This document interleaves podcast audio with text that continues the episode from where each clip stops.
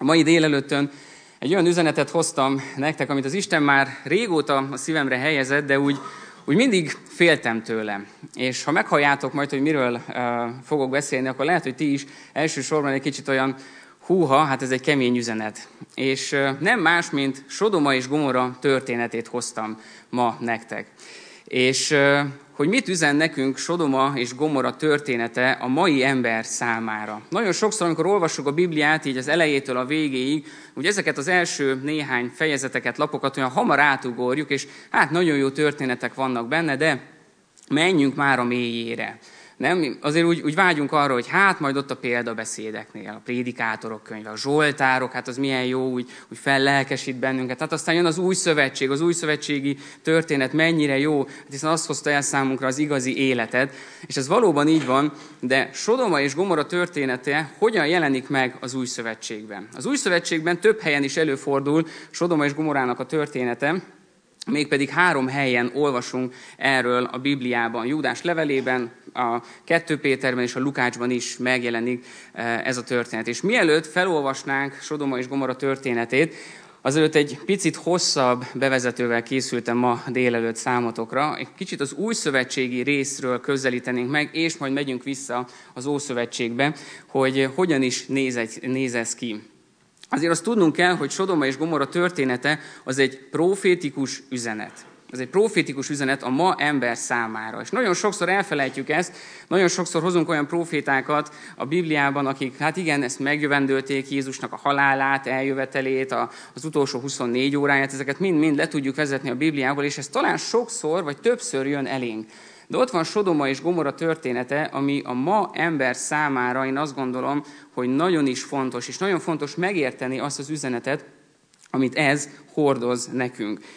És ugye látjuk azt, hogy ott Lót napjai e, miről is szólnak. És e, 2 Péterben olvashatunk arról, hogy eh, Sodoma és Gomora története az, az miről is szól valójában. Miért olyan fontos ez a két város a mi számunkra?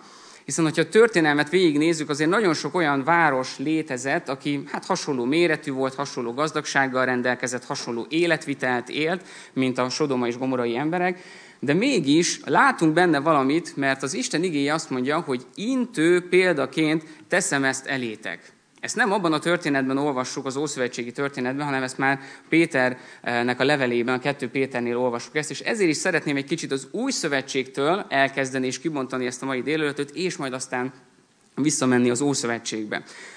Kérlek benneteket, hogy eh, ma elég sok igét fogunk olvasni, úgyhogy ha a Biblia előttetek van, annak nagyon örülök, és, és eh, kérlek benneteket, hogy kövessétek és nézzétek ti is ezeket az igéket. Ki is lesznek vetítve, de a Bibliát is nyugodtan nyissátok ki. A 2 Péter 2, 6, 6. vers és a 7. verset eh, fogom olvasni, így legelőször 2 Péter 2, 6 és 7. Elhamvasztotta és pusztulásra ítélte Sodoma és Gomora városát, intő példaként azoknak, akik istentelenül élnek. Viszont az igaz lót megszabadította, viszont az igaz lótot megszabadította, aki szenvedett az elvetemültek kicsapongó viselkedésétől.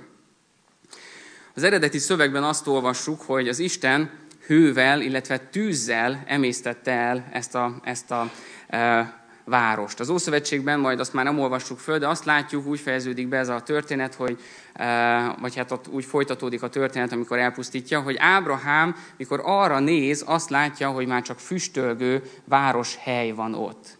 Tehát látjuk azt, hogy az Isten haragja, vagy hát az, az, hogy ahogyan éltek az akkori emberek, mit támasztott ez Istenben, és az Isten intő példaként hozzá ezt elénk, hogyha ilyen életet élünk, akkor valószínűleg és nem térünk meg, akkor az Istennek a haragjával szembe kell néznünk.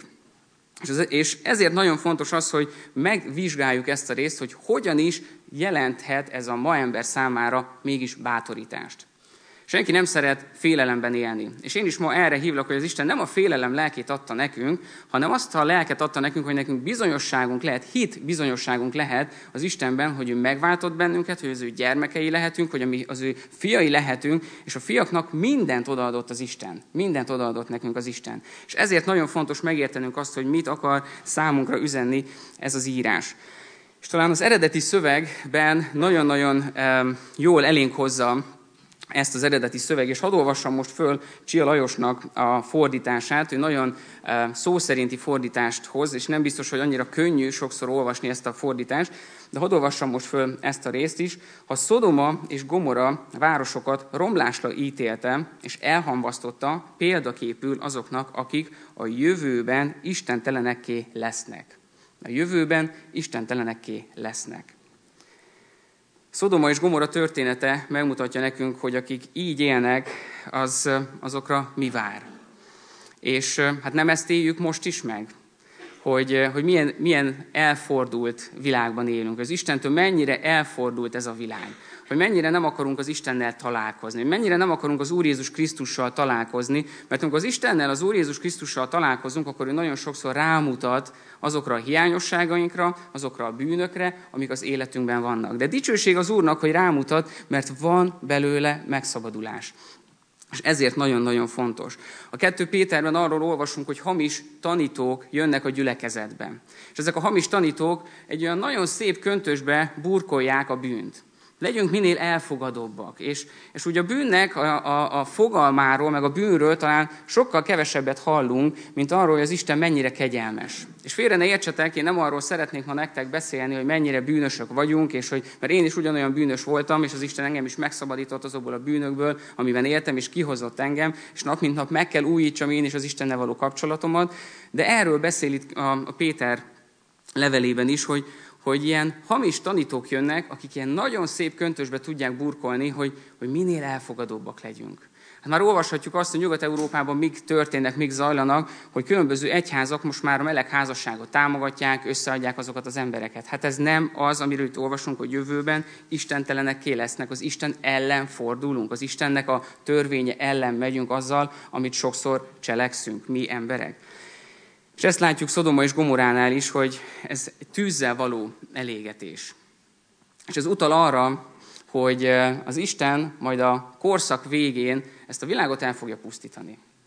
És viszont van egy jó hírem számotokra. Majd ezt fogjuk olvasni abban az üzenetben, amit, ami majd fel lesz olvasva, a Lótnak a történetét, hogy az Isten addig nem fogja elpusztítani ezt a világot, amíg az igazak még itt vannak. Úgyhogy amíg még van lehetőségünk, addig még tudjuk választani az Istent, és megtérhetünk. És akkor már bennünket ez az ítélet nem fog érni. Ez egy nagyon-nagyon bátorító üzenet számunkra. Aztán Júdás levelében is azt olvassuk, hogy legyen ez példa számotokra Szodomának és Gomorának a története. Legyünk hát figyelmesek azokra a jelekre, amik bennünket ma is körbevesznek nagyon sok jel és olyan dolgot látunk, ami már az utolsó időkre mutatnak, és nagyon sokszor halljuk azt, hogy de hát már Pálapostól is erről beszélt, hát mond még te is, tehát úgy is fogunk még élni legalább 2000 évig, nem?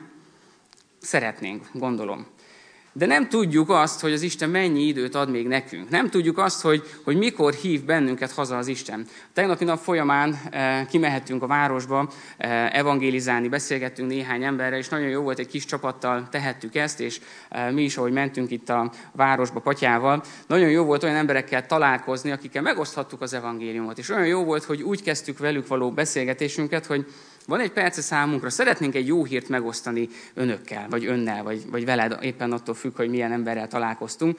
És egyből föl is hoztuk, hogy nem semmiféle politikai színezete nincsenek az egésznek, mert ott épp valamelyik párt kampányolt ott lenne a piac téren, úgyhogy próbáltunk tőlük egy picit elhatárolódni, hogy nehogy azt higgyék, hogy mi is az ő követeik vagyunk, hanem mi mondtuk, hogy mi az Úr Jézus Krisztusnak vagyunk a követei.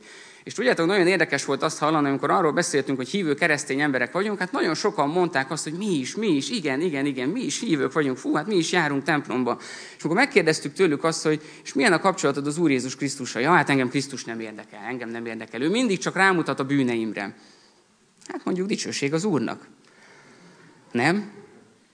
Rámutat a bűneinkre. És volt, aki már menekült előlünk, hát ismeritek Patyát, hát ő aztán erőszakosan ment utána, hogy na hát akkor engem ez nagyon érdekel, hogy téged miért nem érdekel az Úr Jézus Krisztus. És tudjátok, amikor ott beszélgettünk különböző emberekkel, akkor meg kellett azt tapasztaljuk, hogy, hogy tényleg Jézus nevére nagyon sokan úgy összerezzennek. Isten nevére úgy, hát igen, egy az Isten, nekünk is mondták, hogy persze, hát ez olyan szép és jó, és hát Indiában egy másik néven szólítják az Isten, az iszlám világban megint egy másik néven, de hát aztán úgy is tudjuk, hogy hát ez mind egy Istenre mutat. És tudjátok, az igazságokat is ki kell ilyenkor mondani. És mi mondtuk nekik, hogy ez nem igaz. Mert a mi Istenünk, akiben mi hiszünk, az elküldte az Úr Jézus Krisztust, akiben nekünk örök életünk lehet. És az én bűneimért, Atya bűneiért, és az ön bűneiért is meghalt. És akkor azért az embereknek úgy elkezdett valami leesni. Volt, aki mondta, hogy köszöni szépen, megy tovább, de volt, aki látszott, hogy, hogy elkezd gondolkodni, hogy hm, mi történik most. És hadd olvassam még föl a Lukács evangéliumából a 17. fejezet 28-as, 30-as versét, Lukács evangéliumában, hogy hogyan, hogyan néznek ki ezek a jelek, ezek a mai világban, milyen jelek utalnak arra, hogy, hogy az Úr Jézus igenis közel van. Éppen úgy lesz ez, mint ahogy Lót napjaiban történt. Ettek, ittak, adtak, vettek, ültettek, építettek. De amely napon Lót kiment Sodomából, tűz és kénkő esett az égből, és elpusztított mindenkit. Ugyanígy lesz azon a napon is, amelyen az ember fia megjelenik. Ugyanígy lesz azon napon is, amelyen az ember fia megjelenik. És mit olvasunk a legelején? Ettek, ittak, vettek, ültettek, építettek. Hát milyen világban élünk? Igazából, ha bemegyünk a boltokba, roskadásig van minden egyes üzlet. Bármit megvehetünk. Ha van rá elég pénzünk, akkor bármit, bármit megvehetünk, amit csak megkívánunk. Oda mehetünk, és vehetünk, ehetünk, ihatunk. Valamelyik este a feleségemet felvettem az iskolába, miután végzett, 8 óra tájt, és ott még sétáltunk az autóig, és nagyon érdekes volt azt látni, hogy az emberek este 8 és 9-kor beülnek különböző pubokba, éttermekbe, jól érzik magukat, és úgy végignéztem ezeken az embereken, hogy vajon hányan, hányan ismerik az Úr Jézus Krisztus, hányan ismerik úgy az Úr Jézus Krisztus, mint személyes megváltó.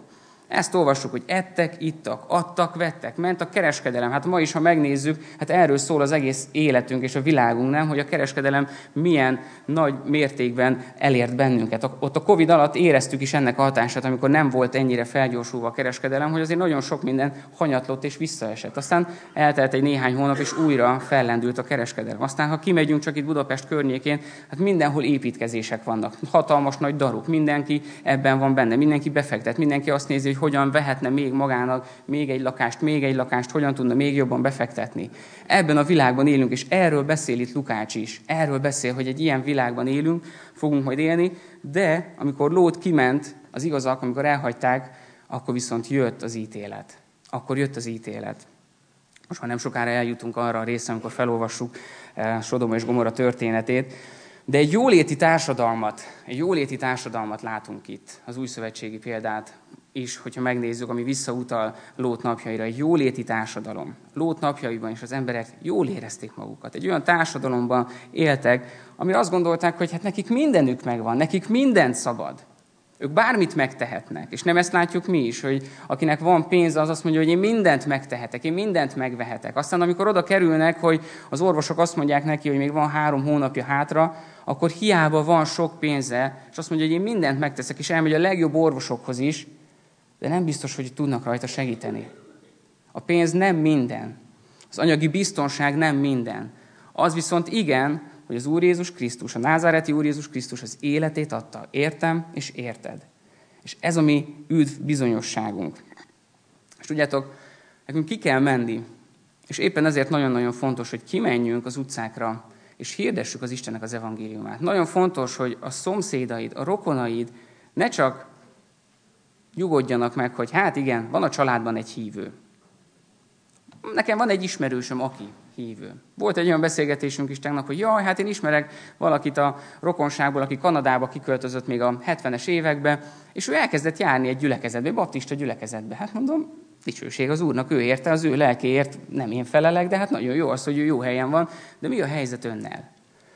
És nagyon sokszor mindig másra mutogatunk, de ő, hát neki jó, neki könnyű, de nekünk felelősségünk is az, hogy megosszuk az örömhírt az emberekkel, és hogy béküljenek meg az Istennel. Ez egy nagyon-nagyon fontos igazság, hogy ezt az igazságot is kimondjuk, hogy béküljenek meg az Istennek. Ez a mi feladatunk, hogy hirdessük, hogy hirdetve legyen. És nagyon fontos ezt elmondani, hogy mindaddig, amíg nem jön el az Isten, addig van erre lehetőség. Utána már, már nem leszünk itt. Ha az Isten magához hív bennünket, utána már nem leszünk arra képesek, hogy mi ezt megtegyük. De addig, amíg ez nem jön el, addig még lehetőségünk van ezt tenni. És most kérlek benneteket, hogy a Mózeshez lapozzunk oda, a Biblia legelejére, elnézést egy kicsit hosszabb bevezető után, de szerettem volna azt, hogy egy kicsit az új szövetségi részt is lássuk, és utána menjünk vissza az ószövetségi részbe, és kérlek benneteket, hogy a Mózes első könyvéhez lapozzatok oda, és ott is a 19. Eh, fejezethez, és az első verstől fogjuk olvasni a 26. versig, úgyhogy eh, mivel ez egy hosszabb rész, maradjatok nyugodtan ülve, ki is van vetítve, de kérlek így figyeljétek ezeket a verseket. Hát amit láttátok, ez egy hosszabb ige szakasz volt, és nem tudom, hogy közben, hogy hallgattátok, vagy olvastátok és követtétek ezeket az igéket, úgy a szemetek elé megelevenedette ez a történet, hogy hogyan is nézhetett ez ki, hogyan is történhetett, hogyan zajlódhatott ez az egész.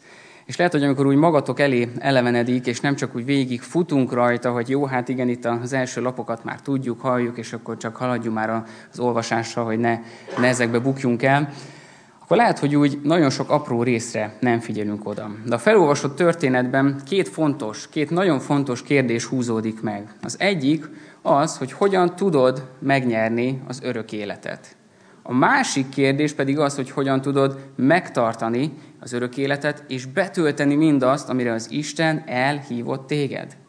És ezekre a kérdésekre keressük most ma ezen a délelőttön a választ, hogy hogyan tudod megnyerni az örök életet, és hogyan tudod megtartani azt, és hogyan tudod betölteni az Istennek szánt eh, küldetésedet.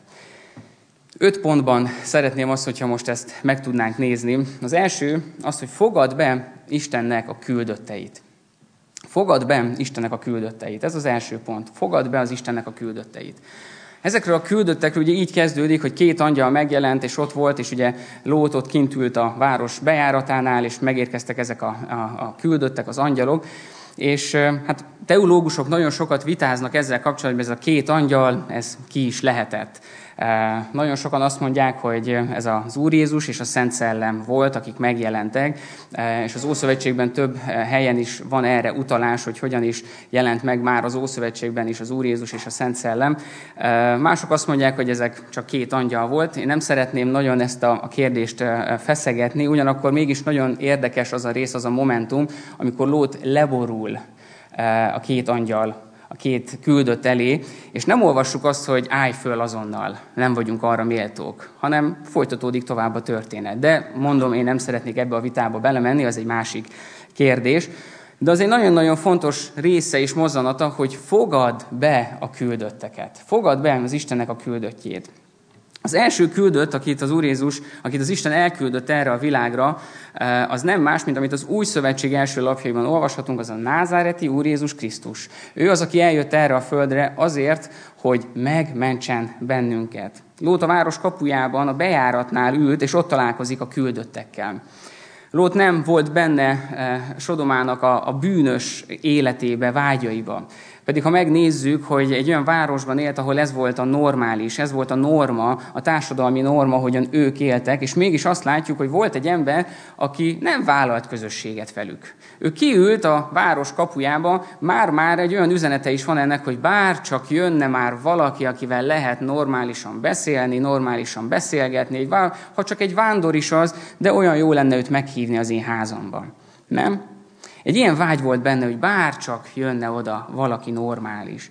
És Lót nem vállalt közösséget azzal a társadalmi közeggel, amiben ott volt. És nem, nem úgy nem vállalt közösséget, hogy ő, hogy ő nem is beszélt velük, hiszen ismerték őt. Tudták azt, hogy most megérkezett a vendég, utána látjuk azt, hogy a Lót házát körbevették ezek az emberek, az ott élő emberek. Tehát azért ismerték őt, közöttük él, de nem vállalt közösséget a bűnnel. És azt olvassuk a Bibliában, hogy a bűn zsoldja a halál. És a bűn az elválaszt minket az Istentől.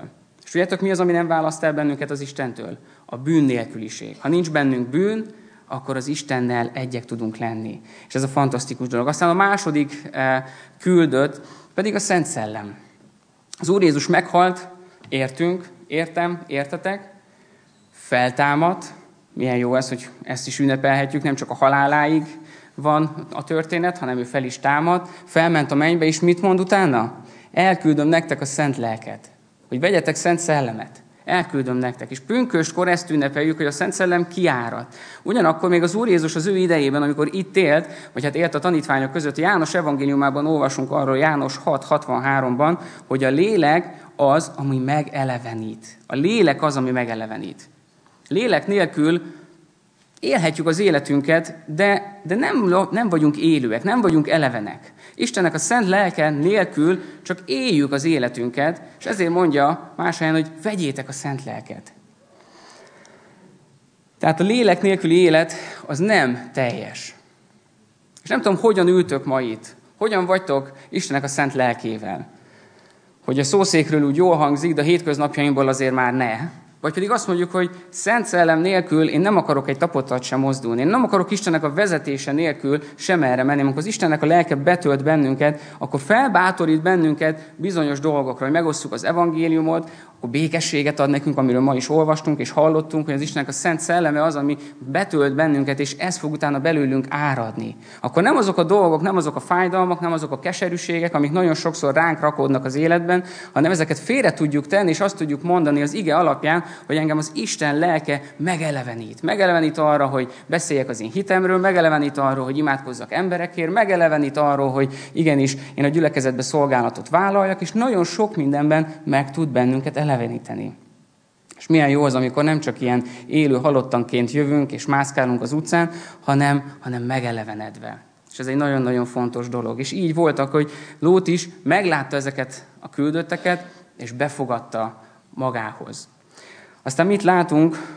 A második pont, az pedig a közösség és az ünneplés. A közösség és az ünneplés. Ahogy olvassuk ezeket az igéket, látjuk ebben, hogy Lót házába hívta őket, gyorsan behívta őket, és aztán azt olvassuk, hogy kovásztalan kenyeret süttetett ezeknek az embereknek, hogy gyertek, gyorsan kerítünk valamit, eszünk, és vigadjunk, mert ti itt vagytok. Hát micsoda öröm az, amikor valóban az Úr Jézus bejön a mi életünkbe, a Szent Szellem betölt bennünket, hát mit tudunk csinálni? Ünnepelni. Az 1 Korintus 5-ben olvasunk a kovásztalan kenyerekről. És ugye vagy, milyen érdekes az, hogy egy kis kovász, ugye azt írja az 1 Korintus 5-ben, hogy egy kis kovász meg tudja keleszteni az egész tésztát. Egy kis kovász el tudja rontani. Így is nézhetjük. Egy kis kovász, egy kis bűn, ha már be, bejön az életünkbe, akkor már meg tudja rontani az életünket. Ugyanakkor a kovásztalan kenyér az pont erre utal, hogy a bűntelen életet éljünk.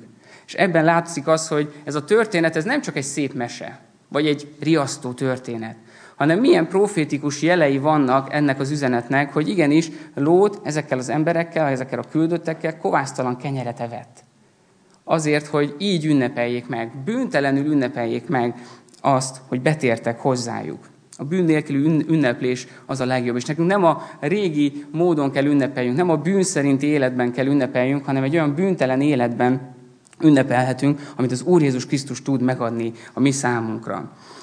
Ez új és tiszta módon működik ez. És mit olvastunk? Ugye olvastuk azt a János evangéliumában, hogy a lélek elevenít meg, aztán a János 4-ben pedig még egy picivel előrébb azt olvassuk a 24-23-ba, hogy a szellemben és igazságban kell az atyát imádni. Szellemben és igazságban. És amikor megértjük ezt a dolgot, hogy szellemben és igazságban imádjuk az Istent, akkor megértjük azt is, hogy a lélek az, ami megelevenít. Amikor az Úr Jézus Krisztussal kapcsolatban vagyunk, viszont a Szent Szellemmel nem vagyunk kapcsolatban, akkor érezzük azt, hogy az Úr Jézusnak a mondatai ellen megyünk egy kicsit, hogy hogyan tudjuk lélekben, szellemben és igazságban imádni az Isten, hogyha nem vagyunk kapcsolatban Istennek a Szent Szellemével.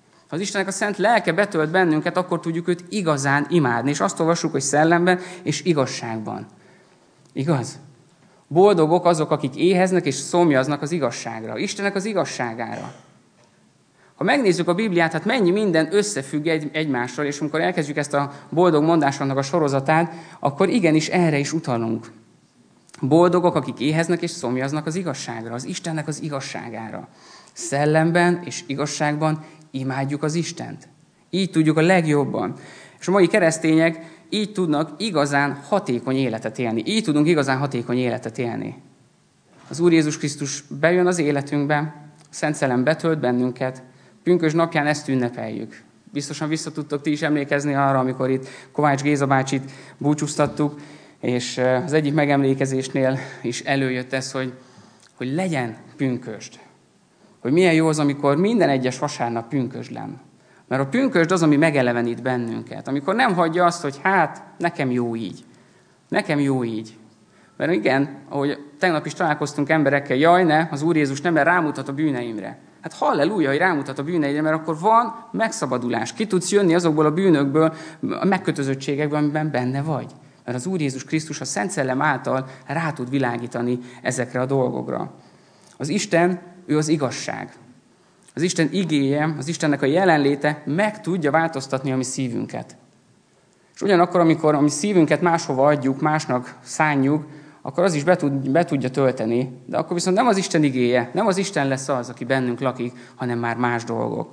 És Isten küldöttei a pusztulás előtt még elmennek erről a földről. És milyen jó ígéret ez számunkra, nem? Hogy nem kell ebben a gyötrelemben, fájdalomban benne lennünk, mert azt írja, hogy azok az igazak, akik döntést hoznak, akik betöltekeznek az Úr Jézus Krisztusnak a Szent Szellemével, azok már nem lesznek akkor itt, hanem már fent lesznek a mennyben, és együtt ünnepelnek az Atyával, az Istennek a trónjánál, és milyen jó lesz az, amikor már ott leszünk, és büntelenül tudjuk magasztalni és dicsőíteni a mi Istenünket.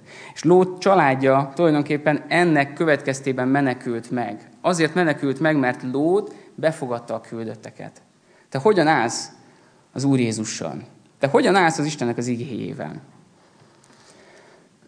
A harmadik, harmadik pont az, hogy támadás alatt vagyunk. Ezt olvassuk itt Istennek az igéjében, hogy Lót befogadta ezeket a e, küldötteket.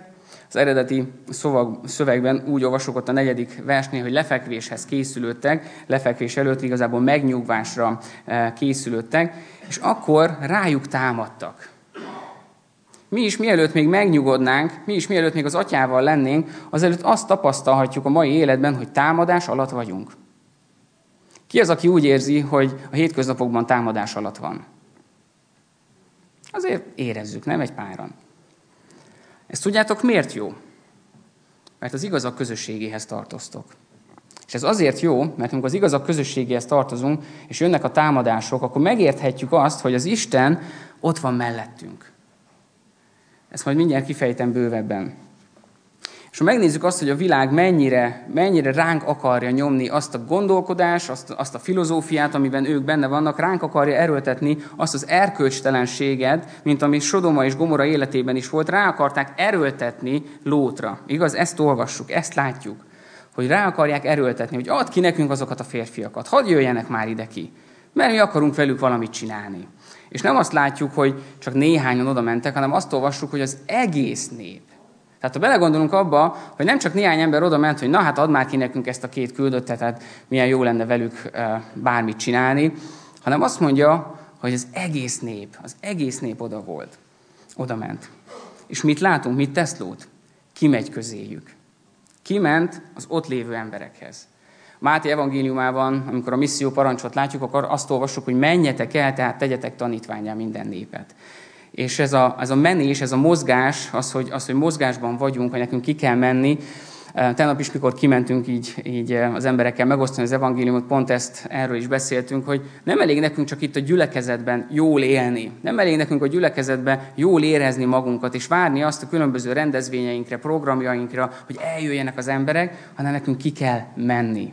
Ki kell mozdulni. Tanítványá kell tenni ezeket az embereket. Ehhez viszont cselekvésre van szükség, és nem más tud bennünket erre a cselekvésre késztetni, nem kényszeríteni, de késztetni, mint a Szent Szellem. Istennek a Szent Lelke az, amelyik fellelkesít bennünket arra, hogy tegyük és cselekedjünk, és cselekvő üzemmódba tudjunk lenni, és nem egy ilyen alvó üzemmódba. Biztos a ti mobiljaitokon is van egy ilyen, hogy alvó üzemmód, vagy repülő üzemmód, amikor senki nem érhet el benneteket. Hát mi ne ilyen keresztények legyünk, mi ne olyan keresztények legyünk, akik ilyen repülő repülő üzemmódban vagyunk, hogy hát most se hívást, se üzenetet, semmit nem fogadunk, mert mi most pihenünk.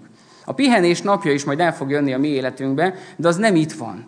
És nagyon sokszor példálózunk azzal, amikor így szolgatársakkal találkozunk, hogy na hát hogy vagy, hogy vagy, hát nagyon le vagyunk fáradva, terhelve, hú, hú, hát mennyi munka van, de majd fent a mennybe megpihenünk. És tudjátok, miket szoktunk, vagy mit szoktam erre mondani, hogy örüljünk neki, hogy le vagyunk terhelve, és örüljünk annak, hogy még aktívan szolgálhatunk és dolgozhatunk, mert milyen rossz lenne az, hogyha hátradőlve ülnénk, lelkészek, meg misszió munkások, hogy hát csak bejönnek ide a közénk, nem? Hát most se jött be. Hát, ma se tért be ide senki. Szentendrén, amikor még ott éltünk, és az offline centert eh, megnyitottuk azt az ifjúsági közösségi helyet, az első év az nagyon nehéz volt, és a hétfői napokat mindig én kaptam, vagy vállaltam el. Ott ültem, megnyitottam, már az elején nagyon lelkesek voltunk, 8-tól délután 6-ig nyitva voltunk, aztán rájöttünk, hogy hát reggel 8-kor nem jön senki, hát akkor inkább kezdjünk csak délután a délutáni nyitvatartás, és voltak olyan napok, amikor ott ültem, de soha senki be nem jött. És tudjátok, akkor valószínűleg egy kicsit így éreztem én is magam, hogy ilyen repülő üzemmódban vagyok, hogy hát ide ne jöjjön be senki. És aztán képzeljétek el, teltek múltak ezek a hetek, és volt olyan alkalom, amikor még a zárva, meg nyitva táblát már ki se raktam, vagy meg se fordítottam, hanem maradt zárva, mert úgy is tudtam, hogy hát ma úgyse fognak jönni.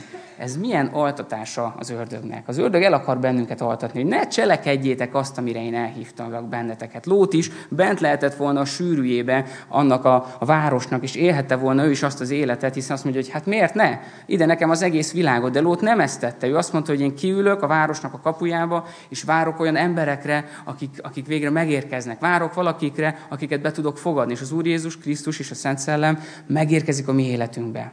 És itt lehet és betölthet bennünket.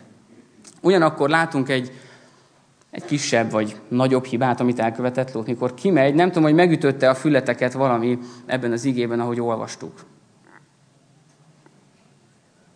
Mit mondott Lót, amikor kiment ezekhez az emberekhez? Azt mondta Lót ezeknek az embereknek, hogy hát ne bántsátok már ezt a két vendégemet, hadd legyenek ők az én védelmem alatt, de hát ott van a két lányom, akit még nem érintett férfi, inkább odaadom őket. Vigyétek. Szerintetek ez helyes volt, amit itt Lót mondott? Nem. Az Isten nem kér tőlünk ilyet. Az Isten nem kéri azt, hogy áldozzunk fel bizonyos dolgokat, embereket az életünkbe. Áldozat volt a történelemben, állatáldozatról is olvasunk az Ószövetségbe, de a tökéletes áldozat Jézus Krisztusban jött el erre a földre. Ezünk már nem kell. Nem kell se a családunkat feláldoznunk, akár a szolgálat oltárán, nem kell a gyermekeinket feláldoznunk, most nem szó szerinti értelemben, de nem kell őket háttérbe szorítani, hogy hát én megyek előre és szolgálok. Nekem fontosabb az, hogy menjek és csináljam, mint az én családom. Nem, ezt nem kéri tőlünk egy pillanatig se az Isten. Nem kéri. Nem véletlenül bízta ránk, édesapák, a ti gyerekeiteket az Isten. Nem véletlenül adott férfiak mellétek feleségeket a, az Isten. Nem véletlenül, mert ti felelősséggel tartoztuk értük, és nem oda lökni az ördögnek, hogy csak én megmeneküljek, de őket vigyétek. Nem. Az Isten pont azt akarja, hogy felelősséggel legyünk ezek felé, a személyek felé, akiket az Isten ránk bízott. A gyermekeinket, a feleségünket, a családjainkat, a rokonainkat. Az Isten ránk bízta, és ez nem véletlen. Az Isten, jó, hogyha megértjük, az Isten nem kér tőlünk ilyen áldozatot. És nagyon sokszor láthatunk olyan szolgálókat, akik, akik, akinek az élete félre siklik, talán azért, mert, mert túl sokat feláldoztak az életükből. De az Isten nem kér tőlünk ilyet. Az Isten azt kéri, hogy egy dolgot tegyél, szeress engem, kövess engem, és én leszek az a Szent Szellem által, aki megelevenítelek. És az adott pillanatban, az adott percben én szavakat tudok adni a te szádban. A negyedik pont, amit ebben az igében olvasunk, az pedig az evangéliumnak a hirdetése. Az evangéliumnak a jó hírnek a hirdetése.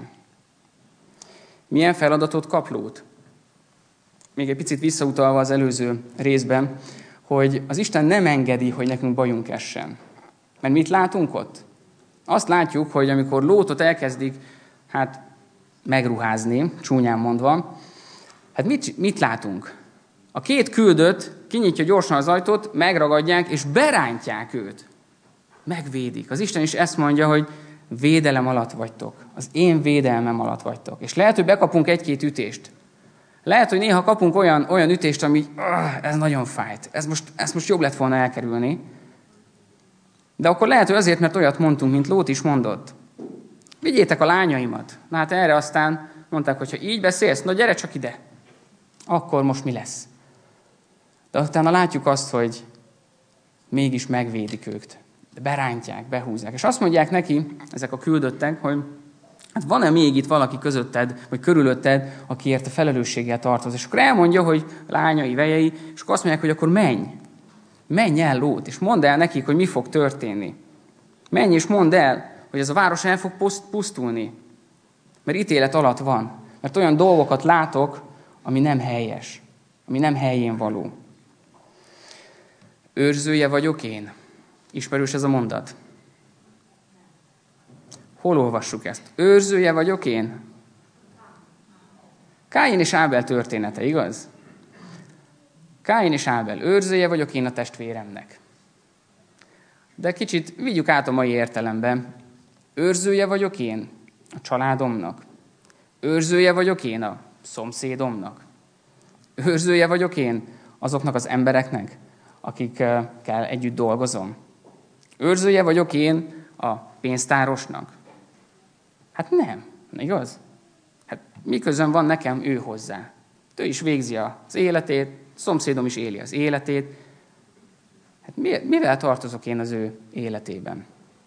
Hadd olvassak fel nektek egy igét, ami talán egy picit rávilágít erre, hogy tartozunk-e felelősséggel, vagy mégsem. Ez az Ezékiel könyvében van megírva, Ezékiel próféta könyvének a harmadik fejezetében olvasható ez az ige. Ezékiel 3 és a 18-as eh, verstől olvasom azt a, a meg az utána levőt is.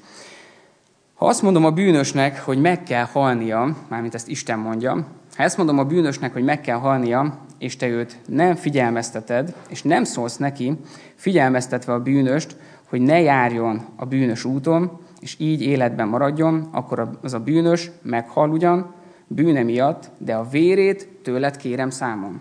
De ha te figyelmezteted a bűnöst, és ő mégsem tér meg bűnéből, és bűnös útjáról, akkor ő meghal, és bűne miatt, meghal a bűne miatt, de te megmented a lelkedet. Tehát a kérdés, felelősséggel tartozok én bárkiért is. Egy bólogató, két bólogató, három, négy, na azért kezdjük, kezdjük megérteni, igaz? Felelősséggel tartozunk. Én felelősséggel tartozom a szomszédjaimért. Imádkozom értük, nagyon jó. Dicsőség az Úrnak. Egy-egy alkalommal még bedobok egy meghívót is, hogy hm, lesz egy gyereknap, gyertek el. Nagyon jó. De mit olvasunk itt? Figyelmeztesd. Figyelmeztesd őt, hogy bűnben él. Figyelmeztetnünk kell az embereket, hogy bűnben élnek. Félre ne értsetek, nem gyötörnünk kell őket. Nehogy úgy vegyék ki, hogy jaj, már megint itt van, és akkor bezárkózunk, mert ő már megint a bűneimről fog beszélni, és elriasztjuk őket. Erre nincs szüksége egy embernek sem. De mit olvastunk? Az Istennek a lelke megelevenít bennünket, és amikor az Istennek a lelke betölt bennünket és megelevenít bennünket, akkor azzal a szeretettel, azzal a kedvességgel tudunk utána odafordulni azokhoz az emberekhez, akik ránk vannak bízva, és meg tudjuk nekik mondani, hogy az Istennek az evangéliumát. Az evangéliumban benne van a kegyelem, az evangéliumban benne van a helyreállás, Istennek a királysága, de az evangéliumban benne van Istennek az ítélete is. Ezt nem szabad elfelejtenünk. Ezt nem szabad elfelejtenünk, hogy el kell mondjuk, hogy ha nincs bűnvallás, ha nincs bűnrendezés az életünkben, akkor nem történik igazából semmi. Mert akkor csak azt mondom, hogy igen, jó ebbe a kegyelemben benne lenni, hiszen az Isten megújít, az Isten megerősít engem, az Isten elveszi az én bűneimet. Hát akkor holnap is védkezem azért, hogy utána legyen mit elvegyen, nem? Hát, hogyha ő Isten, és el akarja venni, hát akkor én teszek róla, hogy, el, hogy legyen mit elvegyen. De ez egy nagyon-nagyon rossz gondolkodás, az Isten nem ezt szeretné. Az Isten azt szeretné, hogy bűntelen életet tudjunk élni ebben a mai világban. És hogyan tudjuk ezt megtenni? Úgy, hogy az Istennel kapcsolatban vagyunk. Az Úr Jézus elküldte az Isten elküldte az Úr Jézust erre a földre, hogy nekünk örök életünk legyen. Mert úgy szerette az Isten ezt a világot, hogy az ő egyszülött fiát adta, hogy aki hisz ő benne, az el ne vesszen, hanem örök élete legyen. El ne vesszen. És mi ezekért az emberekért felelősséggel tartozunk. Egyedül ő általa van szabadulás.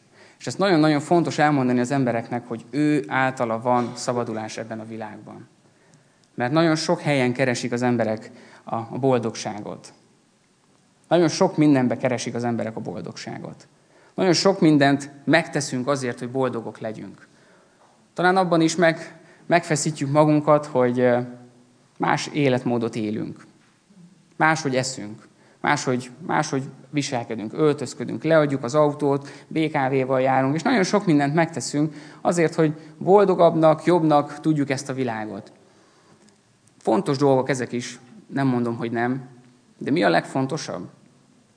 Kapcsolatban vagy-e az Úr Jézus Krisztussal? Betöltötte téged Istennek a szelleme, megelevenítette téged Istennek a szelleme már valaha. Ha igen, dicsőség az Úrnak. Ha nem, akkor kérjük, kérjük a Szent Lelket. Kérjük a Szent Lelket, hogy töltsön be bennünket, elevenítsen, meg, elevenítsen ma meg bennünket. Ő kész arra, hogy megelevenítsen bennünket. Nem kell arra várni, hogy hát majd pünköst, majd pünköst, az milyen jó lesz. Vagy pünköst hétfőn, hú, hát ha, hát ha akkor lesz valami. Ma, holnap, holnap után. Kérd az Istent, hogy töltsön be téged. Az ötödik és egyben utolsó pontja a mai ige hirdetésnek az, hogy őrizd meg a hitet, és maradj meg a hit útján. Ez egy nagyon érdekes része itt már a Lót történéseinek, és itt, a, ahogy ők a családdal elmennek. Ugye azt olvassuk ott, hogy mondják nekik a férfiak, hogy csomagoljatok, menjünk, és mit látunk ott, hogy tétováznak. Igaz? Azt olvassuk, hogy hát úgy még nem, nem igazán mennének.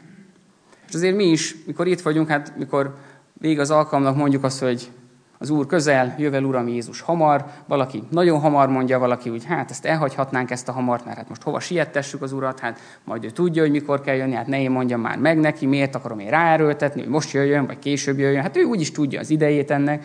És Lótéknál is valahogy ezt láttuk, hogy már mondják, ott van, ott vannak a küldöttek, hogy figyeljetek, el kell innen menni. Mert jön a pusztulás, jön a pusztítás. És mit látunk? Hát, toporognak. El tudom képzelni ott a lelki szemeim előtt, ahogy ez a toporgás úgy végbe ment, hogy Lót így nézelődött, hogy fú, hát mit vigyünk még magunkkal, hát itt is van egy kis dugi pénz, hát ott is van egy kis arany, és a felesége is megy, hát valami kis csetreszt azért csak oda teszek az útra, hát nem tudjuk, hogy meddig megyünk, hát rakjunk-e oda valami kis húst, vagy élelmet, meg hasonló dolgokat. És úgy, és úgy a, a, a földi dolgokkal, amik veszik, hát ez a normális, hiszen felépítettek ők is valamit, hát azért bennünket is azt mondanák már a hónapra, hogy na, hagyj itt mindent, költözzel, és el kell menned, hát nem lenne egyszerű. És ők is így voltak, hogy hát toporogtak, jöttek, néztek jobbra-balra, hogy most akkor biztos, aztán megragadták őket, és azt mondták, na most már, most már megyünk. És mit mond nekik? Ez a két küldött, hogy hova menjetek? Fel a hegyre menjetek fel, nézzetek oda föl a hegyre, arra menjetek, és mit ne csináljatok? Ne néz hátra, vissza se pillancs. Ha be, belegondolunk abba, hogy elindulunk a hit útján, járunk és megyünk előre, és tudjuk azt, hogy nekünk oda fel, nem a háztetőre, még azon túl is, a mennyországban van nekünk örök életünk, és oda tartunk, de mégis, amikor elindulunk a hit útján, akkor úgy vissza-vissza tekintünk.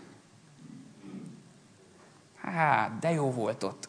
Na jó, nem, nem, nem, megyek előre, megyek előre. Hát azért csak jó volt az, amikor még úgy elmehet. De nem, nem, nem, megyek előre. Péntek este az már nem az az este. Csütörtök az már nem az az este. Vasárnap már nem, nem alszunk. Igaz? És nagyon sok minden van, ami a régi, a múltban levő dolgokból még talán visszahúzhat. Hogy van az az ének? Nincs visszaút, igaz? Nincs visszaút. Hát milyen jó az, amikor torkunk szakadtából tudjuk ezt énekelni, már-már majdnem üvölteni, hogy nincs visszaút. Nincs visszaút, mert az Úr Jézus, Istennek a lelke megragadott engem, és megyek előre. Megyek előre, és ő betöltött engem. Örök életünk van. Örökös társak lettünk az Istenben fiak vagyunk. Milyen jó ezt kimondani, nem? Hogy mindenünk megvan az Úr Jézusban. Már nem kellenek azok a csetreszek, nem kellenek azok a dugi pénz, amit jaj, még lehet, hogy ott hagytam. Fú, hát de jó lett volna, még azt is magammal hozom. Már nem kell. Nem kell arra visszagondolnunk, hanem megőrizni magunkat a hit útján. Megőrizni. És amikor abba gondolunk bele, hogy hát jó, jó, ez mind szép és jó, amit te most itt elmondtál, lassan fél órában, lehet, hogy már kicsit több, hogy mit üzen nekünk az Isten. Mit mond nekünk az Isten? Hogyan akar bennünket látni az Isten? És amikor ég a szívünk, akkor meglátjuk azt, hogy milyen szolgálat van a gyülekezetben, ahova még én beállhatok. Mik azok a feladatok, amiket én még az Istenért, Krisztusért megtehetek? Mik azok a dolgok, ahova nekem kell elmennem? Menjetek el, tehát tegyetek tanítványjá. Ennek a világnak nem arra van szüksége, hogy a fejükhöz vágjuk Sodoma és Gomora történetét, hogy el fogtok pusztulni. Hanem arra van szükség, hogy a kegyelem evangéliuma hirdetve legyen. az igazság ki legyen mondva az embereknek. Hogy meghallják azt, hogy ők igen bűnben élnek, de van ebből megváltás, van szabadulás. Nem szabad az embereket a bűnbe szeretni. Nagyon sokszor ezt láthatjuk, hogy hívő keresztények bűnös embereket a pokolba szeretünk azzal, hogy nehogy megbántsuk a lelkét. És tudjátok, nem felhatalmazni szeretnék senkit azért, hogy a Bibliából fejbe verjünk embereket, és nyomorba döntsünk embereket, lelki nyomorba. Ugyanarra az Istennek a szent szelleme, szent lelke viszont felruház bennünket, hogy igenis az ő szeretetével és az ő kegyelmes gondolkodásával megszólítsunk embereket, és rámutassunk arra, hogyha valaki bűnben él.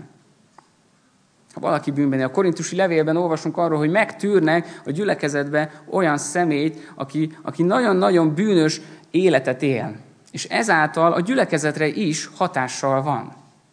Felelősséggel tartozunk. Felelősséggel tartozom én is, aki eljövök ide, hogy milyen lelki állapotban jövök el ide. És félre ne értsetek, bűnösként el lehet jönni Istennek a házába. A bűnöket le lehet tenni az Isten lábához. A felelősség ott kezdődik, hogy utána a jövő héten is ugyanazzal a bűnnel el fogsz jönni ide ebbe a gyülekezetbe. És hozod e azt a szellemiséget. Vagy azt mondod, hogy atyám, itt van minden, és én mindent neked akarok adni. Én nem akarok gonosz szellemiséget behozni ebbe a gyülekezetbe. Én nem akarok az lenni, az a rés a pajzson, aki által az ördög be tud törni a mi gyülekezetünkbe. Én nem akarok lenni az a személy, aki által az ördög lyukat tud ütni ezen a pajzson, hanem az a személy akarok lenni, aki igenis odaáll a gonosz elé, és azt mondja, hogy nem, az Úr Jézus Krisztus nevében nemet mondunk bizonyos dolgoknak. A házasságok legyenek áldottak és, és törhetetlenek. A gyerekeink úgy tudjanak felnőni, hogy Istennek a jelenlétébe lehessenek. Hogy a betegek meggyógyulhassanak ebben a gyülekezetben. És milyen jó az, hogy tehetjük, és mehetünk oda azokért a betegekért, imádkozhatunk, és szerethetjük őket, és körbevehetjük. Az időseinket meglátogathatjuk. És ez az Istennek a szeretet, és ez az Istennek a kegyelme, amikor kiárad közöttünk, akkor nem lesz kérdés, hogy jaj, hogyan tovább. Az Isten nem várja azt el tőlünk, hogy feláldozzuk az életünket a szolgálat oltárán. És ezért hív az Isten minél több szolgálatot, minél több szolgálattevőt a munkába. És lehet, hogy érzed azt, hogy már hív téged egy ideje, meg néha beszélünk is erről, de hát jaj, nekem annyi dolgom van. Szerintetek, akik ma a technikában részt vesznek, nekik nincs más dolguk. Azok, akik a dicsőítésben szolgálnak, szerintetek nincs más dolguk. Azok, akik a gyerekeinkkel foglalkoznak hétről hétre, szerintetek nekik nincs más dolguk? Azok az emberek, akik fogadnak bennünket, akik kávét készítenek nekünk, akik kitakarítják a gyülekezetet, nekik nincs más dolguk. Mire hív el az Isten? Ha az Isten lelke betölt, megelevenít téged, akkor nem akarunk ilyen vánszorú emberek lenni, hogy hát, jó az, csak éljük túl. Hanem életre hív bennünket az Isten. Zárásként hadd olvassam föl nektek Ézsaiás próféta szavait, és ezzel szeretném befejezni ezt a mai délelőttöt. Ézsaiás 41, 10-től fogom olvasni ezeket a, az, az igéket, Ézsaiás 41. fejezete, és ott a 10. verstől. Ne félj, mert én veled vagyok. Ne csüggedj, mert én vagyok Istened. Megerősítelek, meg is segítelek, sőt, győzelmes jobbommal támogatlak téged. Megszégyenülnek és gyalázatra jutnak mindazok, akik gyűlölnek téged. Semmivé lesznek, elpusztulnak, akik veled perbeszállnak. Keresd, keresed, és nem találod azokat, akik téged támadnak. Megsemmisülnek teljesen, akik ellened harcolnak. És figyeljetek, mert én, az Úr, a te Istened, erősen fogom a jobbodat, és ezt mondom neked, ne félj, én megsegítelek téged. Ne félj, mert én megsegítelek téged. Most arra kérlek benneteket, ha már az elején oda fordultunk egymáshoz, és köszöntöttük egymást, most forduljatok oda egymáshoz, és mondjátok egymásnak, hogy ne félj, mert az Isten megerősít téged. Kívánom nektek, hogy valóban ezt az áldást éljétek meg, hogy az Isten megerősít benneteket minden egyes nap. És az Istennek a szent lelke betölt bennünket, megelevenít bennünket, és ahogy láttátok itt Sodoma és Gomora történetén, ahogy végig mentünk, azért mégsem egy olyan rossz történet ez, nem? Mégsem egy olyan, hogy fú, hát csak legyünk túl rajta, vagy hát milyen rossz volt azoknak, de legalább Lót megmenekült. Hát bár a felesége nem, mert ő hátra nézett, ugye ezt olvassuk itt abban a részben, hogy maradjunk meg a hit útján. Maradjunk meg, ne úgy, mint ahogy Lótnak a felesége, hogy visszatekint és sóbálványá lett, hanem tekintsünk mindig előre. Tekintsük az odafelvalókra, és akkor az Isten megelevenít bennünket, és akkor azt tudjuk cselekedni, amire ő elhívott. Isten áldjon meg benneteket, és most hívlak benneteket közös imádságra. szeretnélek benneteket kérni, hogy ha az Istennek az igéje megérintett benneteket, hogyha felhozott benneteket olyan dolgokat, amit most akár letennétek az ő lábához, vagy, vagy válaszolnátok neki, akkor erre most van lehetőség hangos imádságban is, de hogyha magadba teszed ezt, legyél rá teljes mértékben szabad, de aki kész arra, hogy hangos imádságban is tudjunk rá áment mondani azokra a dolgokra, amiket, amiket te szeretnél elmondani az Istennek, akkor kérlek benneteket, hogy így hangosan is imádkozzunk, és majd a végén én majd befejezem.